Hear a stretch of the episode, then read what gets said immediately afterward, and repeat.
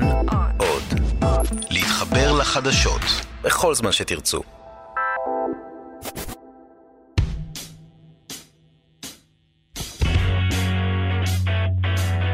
פוליטיקן, הסכת הבחירות של כאן חדשות.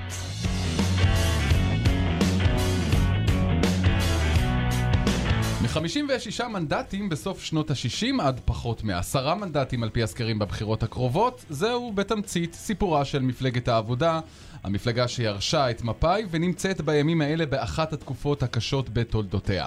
מתי ולמה התחיל השבר? האם הגיע הזמן לאפסן את חלום החזרה לשלטון? או בקיצור, האם מפלגת העבודה סיימה לעבוד ויצאה לפנסיה? על כל זה ננסה לענות עכשיו בפרק השביעי של פוליטיקן, פודקאסט הבחירות של כאן חדשות בדיגיטל.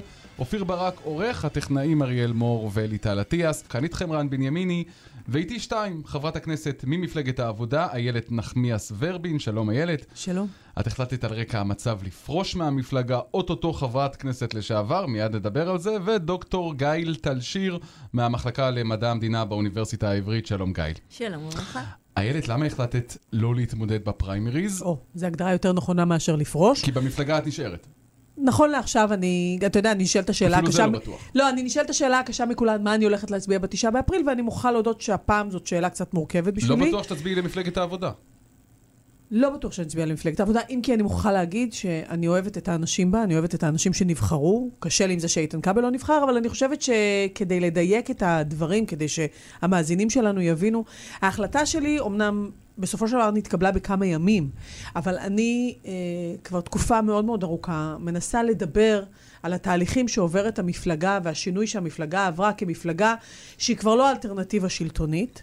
ונשאלת השאלה, וגם אני מעסיקה את עצמי בשאלה הזאת, אה, איך חוזרים להיות מפלגת שלטון, האם זה בכלל אפשרי?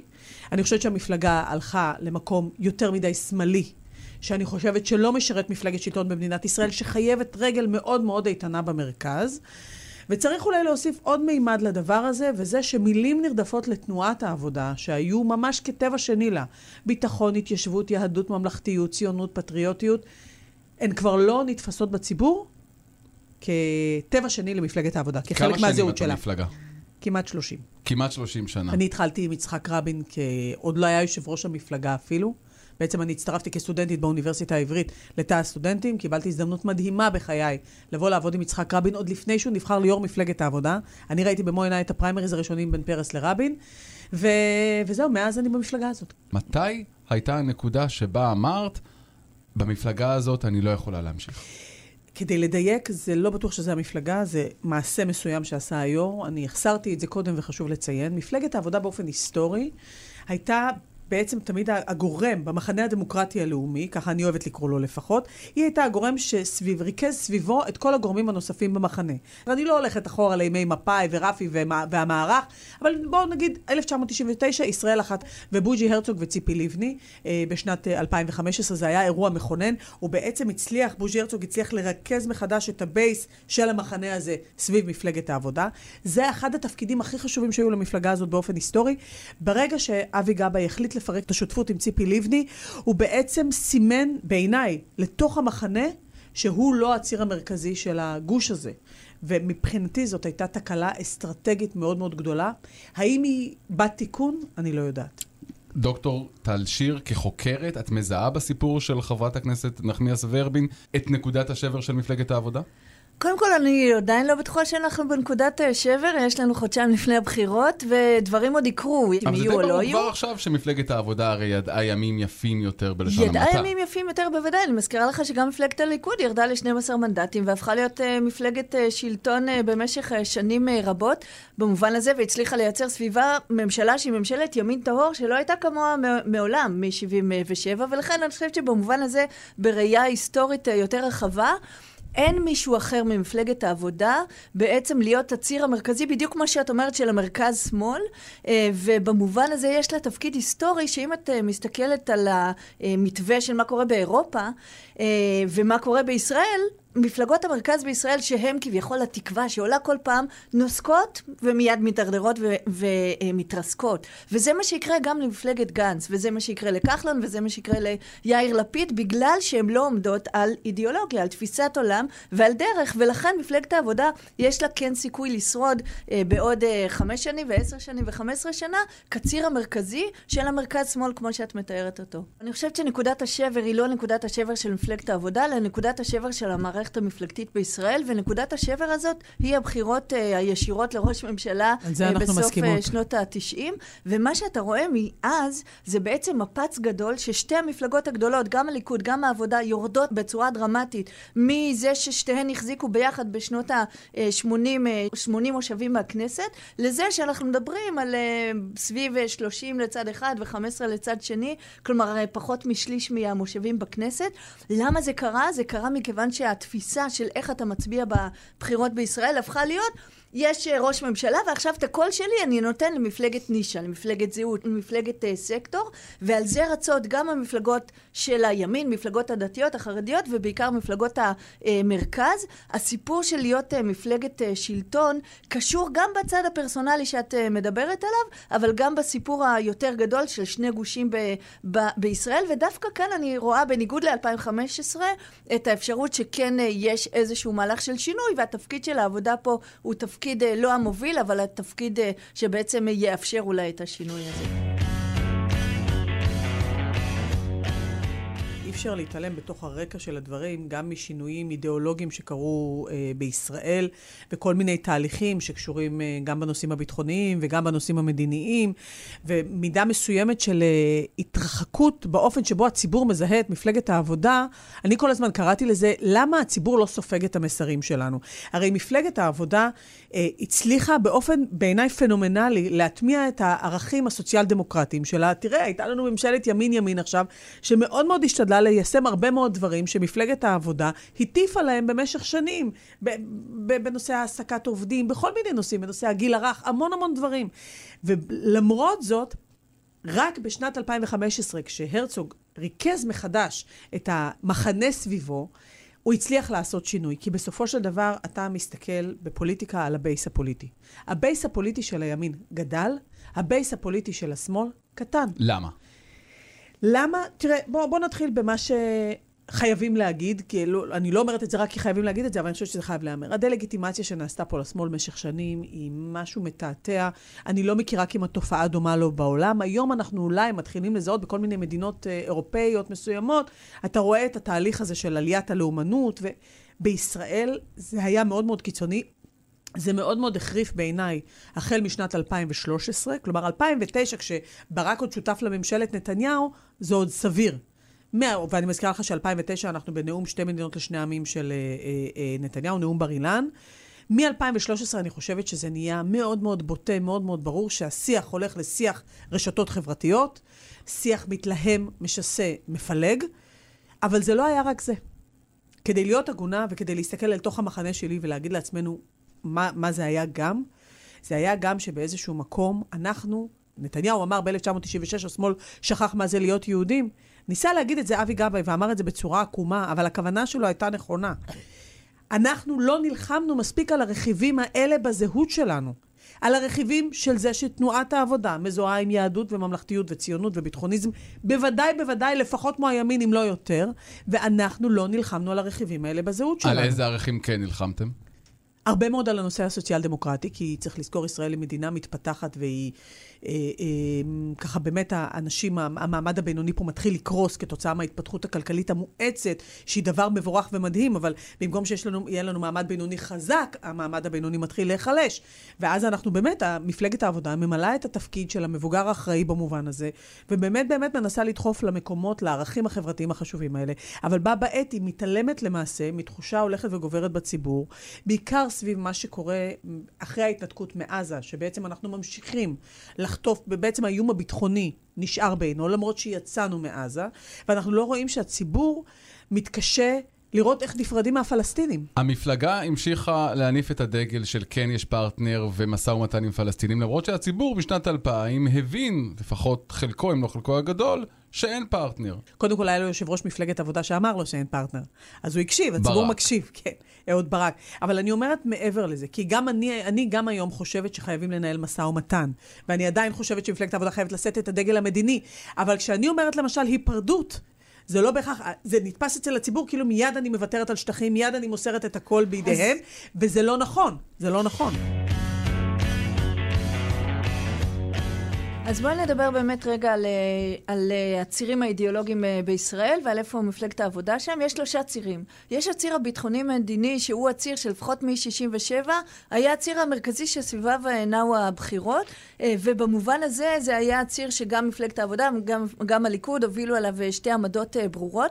זה ציר שכמעט נעלם בעשור האחרון מהדומיננטיות שלו, ובמובן הזה הוויכוח הפך להיות אין פרטנר, או בכל זאת משא ומתן ישיר. ויכוח הרבה יותר קטן מאשר שתי מדינות לשני עמים, או סיפוח נניח מלא של השטחים.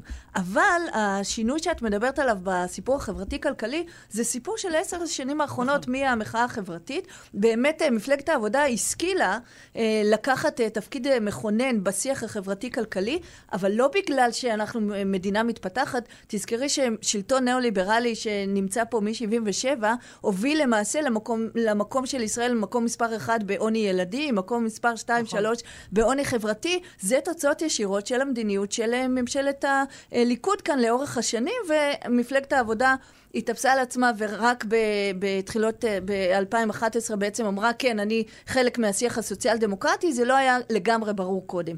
אבל הסיפור הגדול של העשור האחרון, זה הסיפור של הזהות המשותפת. והסיפור של, ה, אם תרצי, ישראליות לעומת uh, יהדות, המקום שנתניהו לקח את הסיפור הזה בשתי החזיתות, יהודית uh, ישראלית ומה מהות הדמוקרטיה, על זה אנחנו נמצאים עכשיו בבחירות 2019, וזה הסיפור הגדול. עכשיו, נתניהו לקח את זה מאוד לקוטב היהודי, אבל האתנו-דתי. הוא הלך עם שותפיו הטבעיים mm-hmm. למקום שהוא מאוד מאוד קיצוני, והוא על גבול הלאומנות. הסיפור של להחזיר את התפיסה חזרה לתפיסה שהיא ישראלית ומכילה ויהודית, אבל גם אזרחית, זה סיפור מאוד דרמטי שצריך לספר אותו, ואני מקווה שגם גנץ ילך לשם, ומפלגת העבודה כמובן שם. אבל הסיפור של 2019 זה איזה מין דמוקרטיה אנחנו רוצים. הסיפור של דמוקרטיה ליברלית שהמרכז-שמאל, אבל גם הימין מרכז אמורים לתמוך בה, אה, זה המקום שאותו נתניהו שחק. נתניהו לקח אותנו לתפיסה נאו-שמרנית, שהיא בעצם מוותרת על המרכיבים הליברליים של הדמוקרטיה,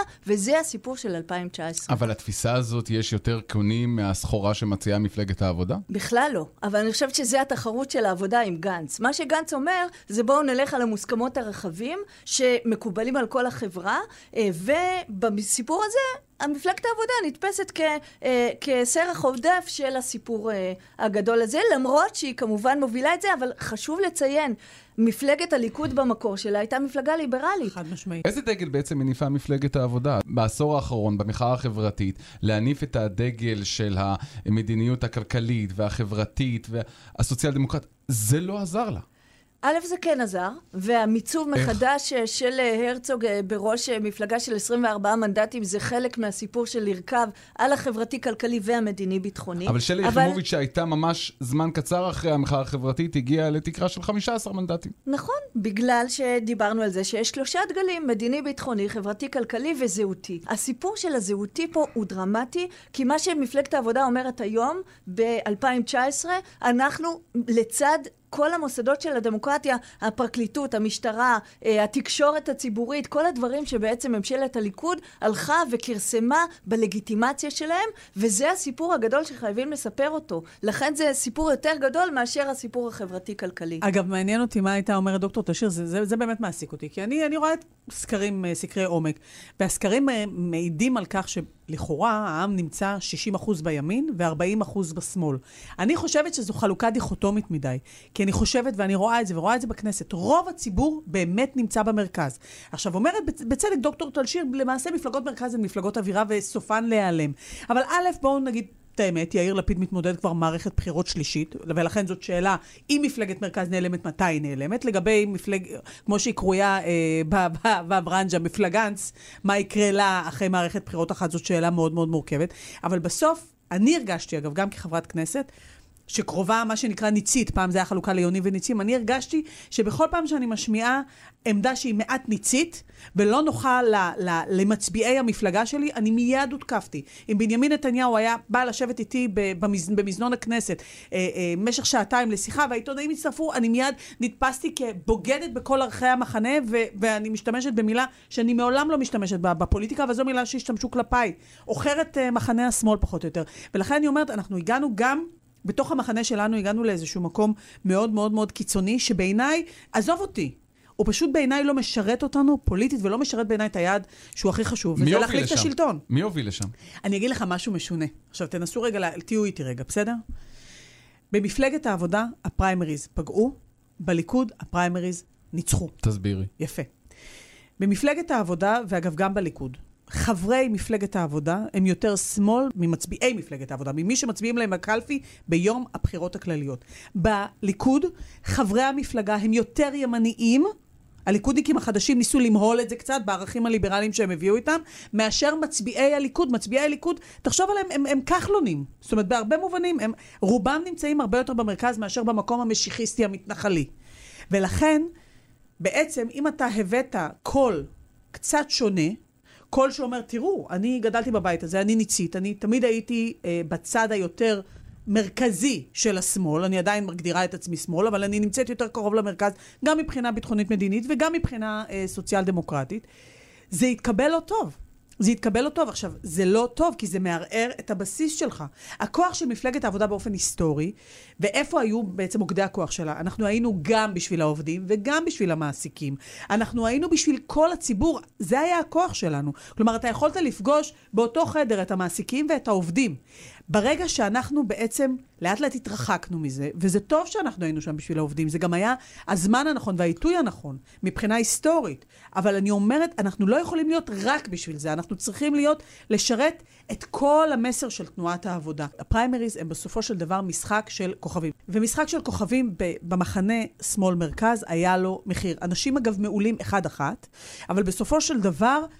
אין אנשים, למה אנחנו כל כך כועסים על זה שאיתן כבל לכאורה לא, בר, לא גבוה ברשימה? כי בסופו של דבר אין ברשימה הזאת אף אחד שגדל במפלגה הזאת. תסתכל על הליכוד, זה בדיוק ההפך.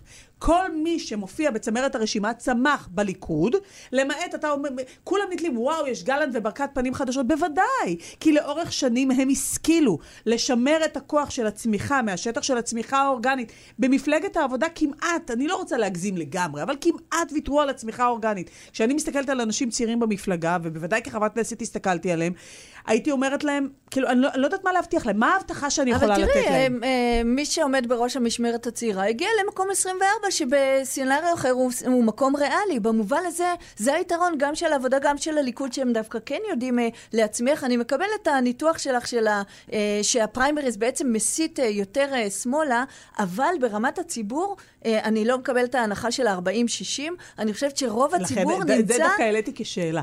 נמצא בקונסנזוס שבו נכון. מפלגת העבודה נמצאת הרבה יותר במרכז מאשר uh, מפלגת הליכוד בשלושת התחומים שאנחנו מדברים עליהם. גם הטיעון שלבני הובילה אותו, אבל שזה הטיעון של מחנה המרכז-שמאל, שתי מדינות לשני עמים כי את רוצה לשמר מדינה יהודית mm-hmm. ודמוקרטית, גם הטיעון החברתי-כלכלי באופן מדהים.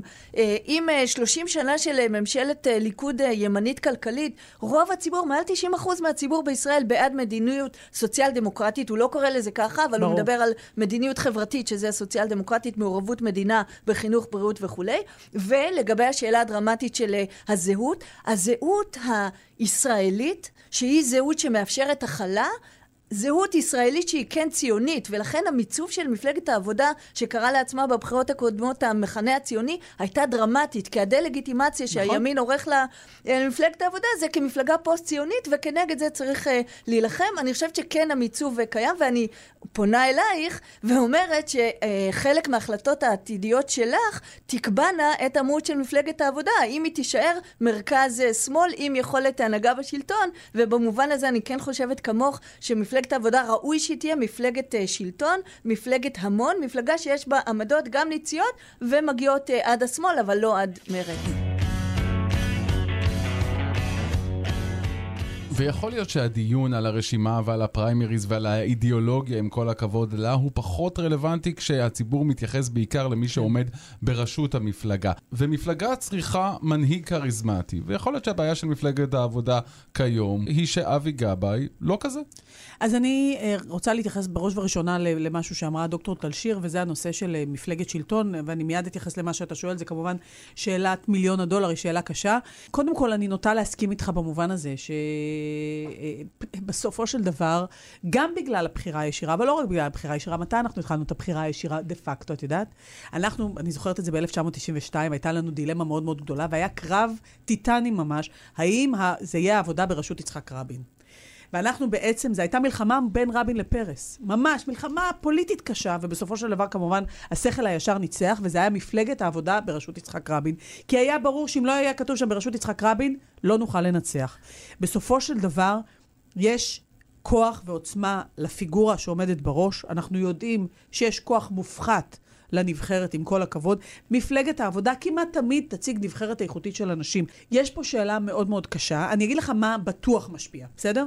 רמת המוכרות. הבעיה הכי קשה של אבי גבאי לאורך כל השנה וחצי האחרונות היא בעיית המוכרות. וזאת בעיה של יאיר לפיד. לא הייתה, לבני גנץ כמובן לא הייתה, אנחנו בכלל לא מדברים על ביבי נתניהו בהקשר הזה. אבי גבאי הולך בשוק ולא מכירים אותו. אני חושבת שזה נכון פחות ופחות, אבל אני חושבת שבסופו של דבר אנשים רוצים להבין למה הם מתחברים, לאיזה סיפור הם מתחברים. אז למה המפלגה בוחרת מנהיג כזה? כזה, אז אולי נדבר רגע על אני, פרסוניפיקציה, אה, כי הסיפור שאת מתארת כאן ושאנחנו מדברים עליו, זה סיפור שקורה בכל, אה, בכל המערכות הפוליטיות, בכל הדמוקרטיות, והתפקיד של המנהיג הוא קריטי, אבל אני חושבת שאבי גבאי ניסה להביא לתוך מפלגת העבודה סיפור שמפלגת העבודה לא הצליחה להתחבר אליו, וזה הסיפור של המזרחיות המסורתית. אני לא חושבת שמפלגת העבודה לא היה... לא התחברה אליו, אני חושבת שהבעיה ב... היא בציבור, אני חושבת שהמפלגה התחברה אליו.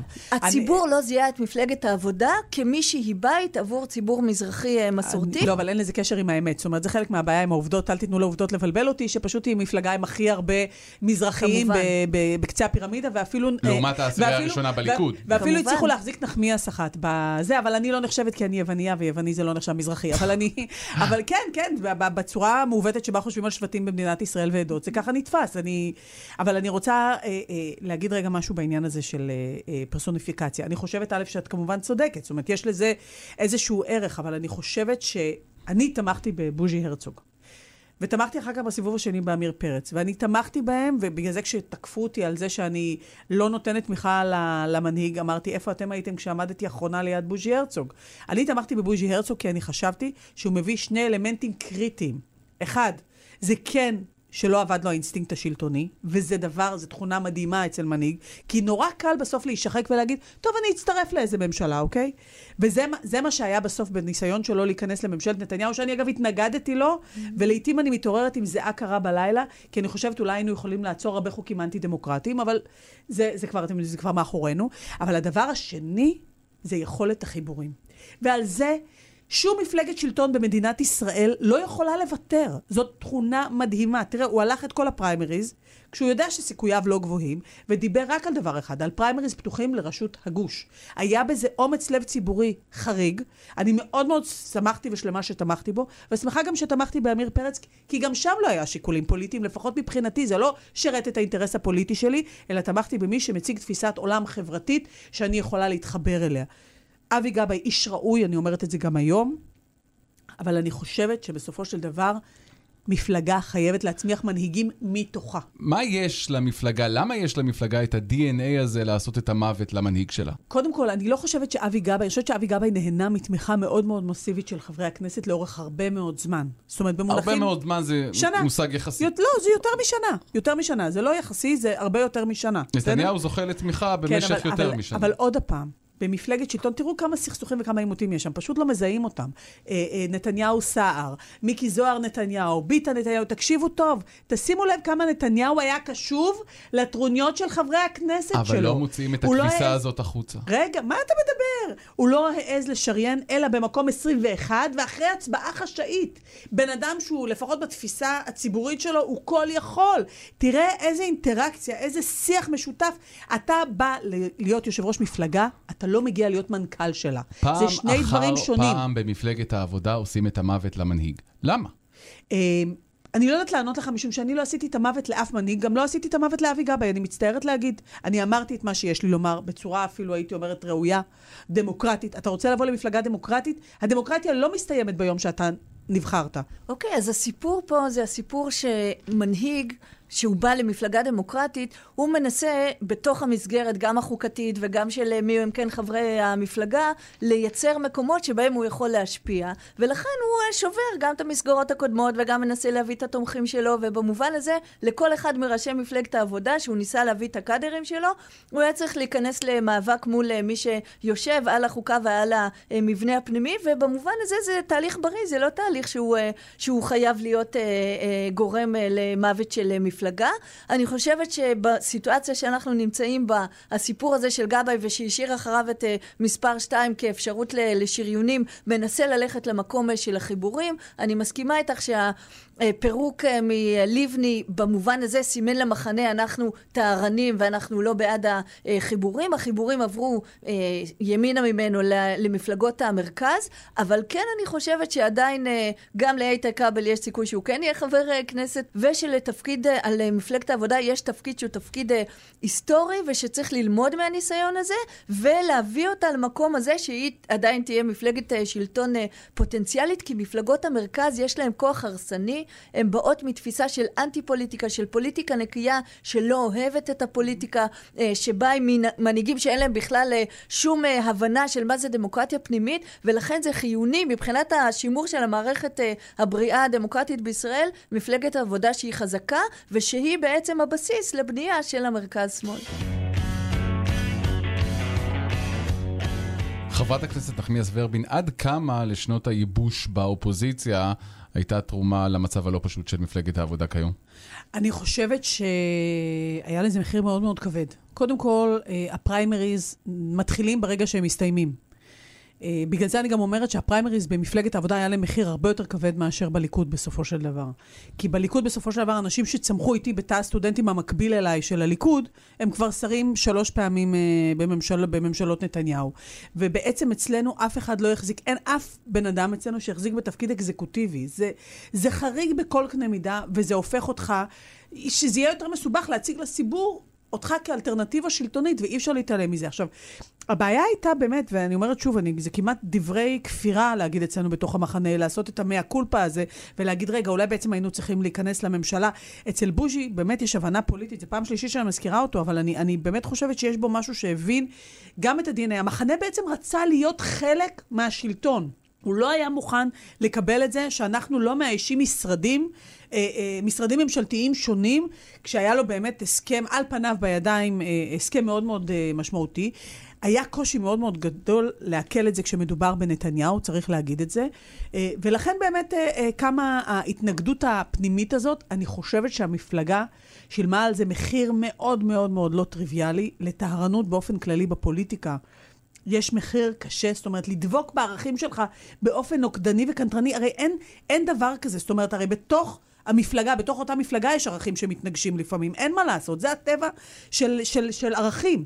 אתה כל הזמן צריך לעשות אה, אה, איזונים. Mm-hmm. ובסופו של דבר, אני חושבת שהמחיר פה היה כבד. אממה, ההצטרפות לממשלת נתניהו ב-2009, ולימים הפיצול של אהוד ברק עם עצמאות, גם לא היה מחיר. ולכן בסופו של דבר, אם אתה היית שואל אותי למה יש מחיר יותר כבד, לא בטוח שהייתי יודעת לתת את התשובה. אז לקראת סיום אני רוצה לשאול את שתיכן, האם יש מקום עדיין לאופטימיות במפלגת העבודה, או שנגמר תפקידה ההיסטורי, ובכלל, למה חשוב תפקידה ההיסטורי? אפשר אולי להסתדר גם בלי מפלגת העבודה במפה הפוליטית. מפלגות קמות, מפלגות נופלות, הכל בסדר.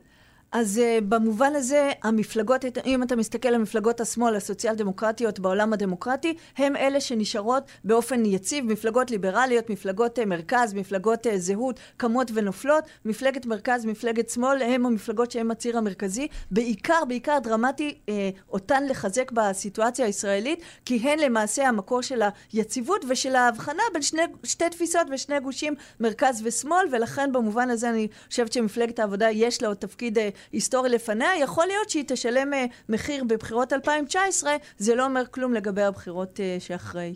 אני חושבת, אה, באופן כללי, אני גם אמרתי את זה, גם בעצם בימים אחרי שאני הודעתי שאני לא אתמודד בפריימריז, אני חושבת שהמפלגה תקבל יותר ממה שהסקרים נותנים לה. ההחלטה שלי נפלה כשאני שאלתי את עצמי, אם אומרים לי שאני ב-100% חברת כנסת, האם אני עדיין מתמודדת בפריימריז? כשהתשובה שלי הייתה לא, אני חשבתי שהיא היא, היא בעצם, בעצם החלטתי כבר את, ה, את ההחלטה. אה, אני חושבת שהיא עוברת שינויים מאוד מאוד משמעותיים. אה, אני לא, לא, יודעת, אני לא יודעת לדבר במונחים פטאליים כאלה של האם היא סיימה את תפקידה ההיסטורי, למרות ש... אתה יודע, אנשים כמו עמוס עוז, זיכרונו לברכה, אה, כתב את זה כבר לפני עשר שנים.